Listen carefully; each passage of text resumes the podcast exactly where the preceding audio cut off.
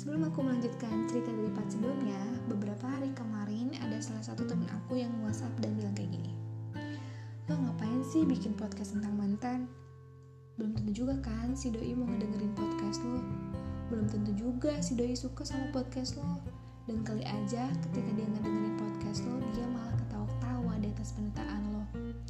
Kali aja dia nggak ngerasain kehilangan dan rasa sakit yang lo rasain yaudah sih move on lagian juga dia udah berkali-kali kan nyakitin lo Well, kayaknya ini salah satu prolog di podcastku yang paling to the point.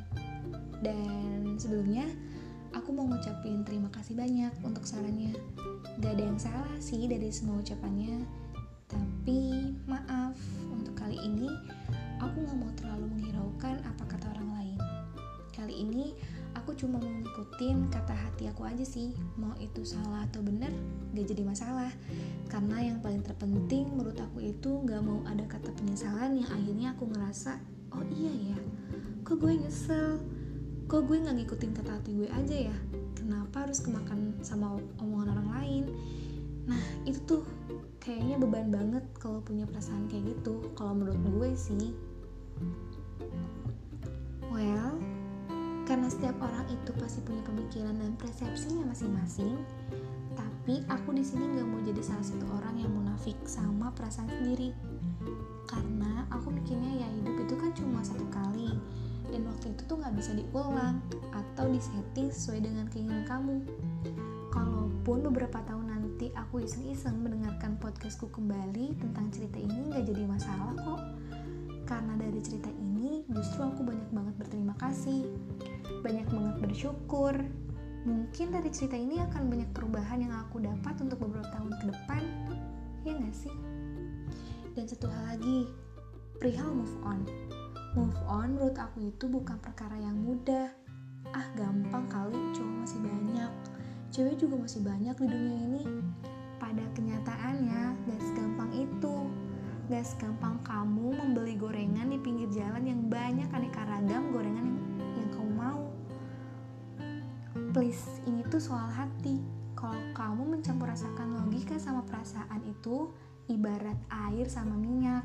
Mereka nggak bisa bersama. Eh, maksudnya mereka bisa bersama, tetapi nggak bisa seirama.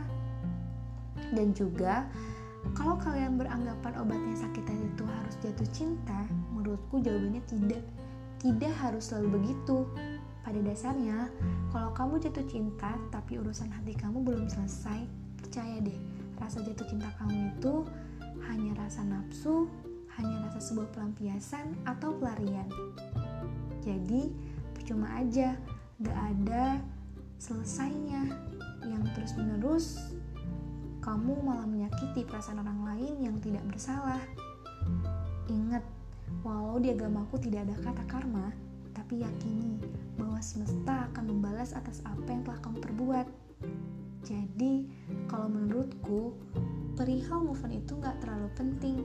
Yang paling terpenting adalah bagaimana kamu bisa bersyukur, berterima kasih atas apa yang telah kamu lalui dari cerita yang mungkin menurut kamu sangat menyakitkan. Dan percaya deh, semesta menciptakan setiap makhluknya itu dengan berbeda. Sekalipun kita menganalogikan orang yang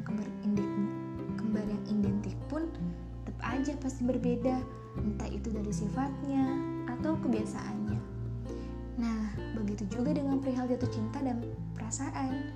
Kamu gak mungkin mendapatkan sesuatu hal yang sama, baik itu perasaan sayangnya dia ke kamu, atau perhatiannya dan hal yang lain yang kamu inginkan dengan orang yang sebelumnya. Itu tuh gak mungkin.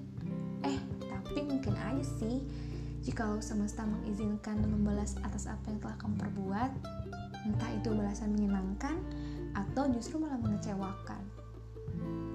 Dan satu hal lagi, perihal mengikhlaskan. Menurutku, mengikhlaskan juga bukan hal yang tepat untuk perkara move on. Kenapa? Karena menurutku, kata mengikhlaskan itu digunakan hanya untuk dalam situasi dan kondisi tertentu, bukan untuk move on.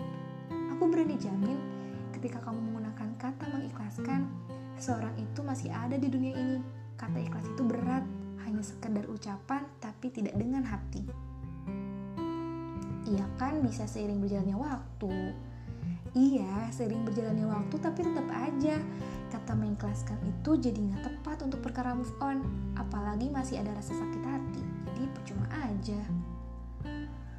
Hmm, beda halnya dengan mengikhlaskan atas sebuah takdir yang mengharuskan orang itu nggak ada lagi di bumi ini. Pasti berbeda. Seketika kata ikhlas itu memang berarti berjauh dari kata dendam, sakit hati, dan menurutku itu adalah mengikhlaskan yang sebenarnya. Eh, by the way, kalian pernah ngerasain gak sih? Adik kalian ngerasa terkunci dan ngerasa hambar aja gitu mau deket sama siapa pun itu. Aku juga lagi merasakan fase seperti itu fase di mana sedang merasakan mati rasa. Gila sih.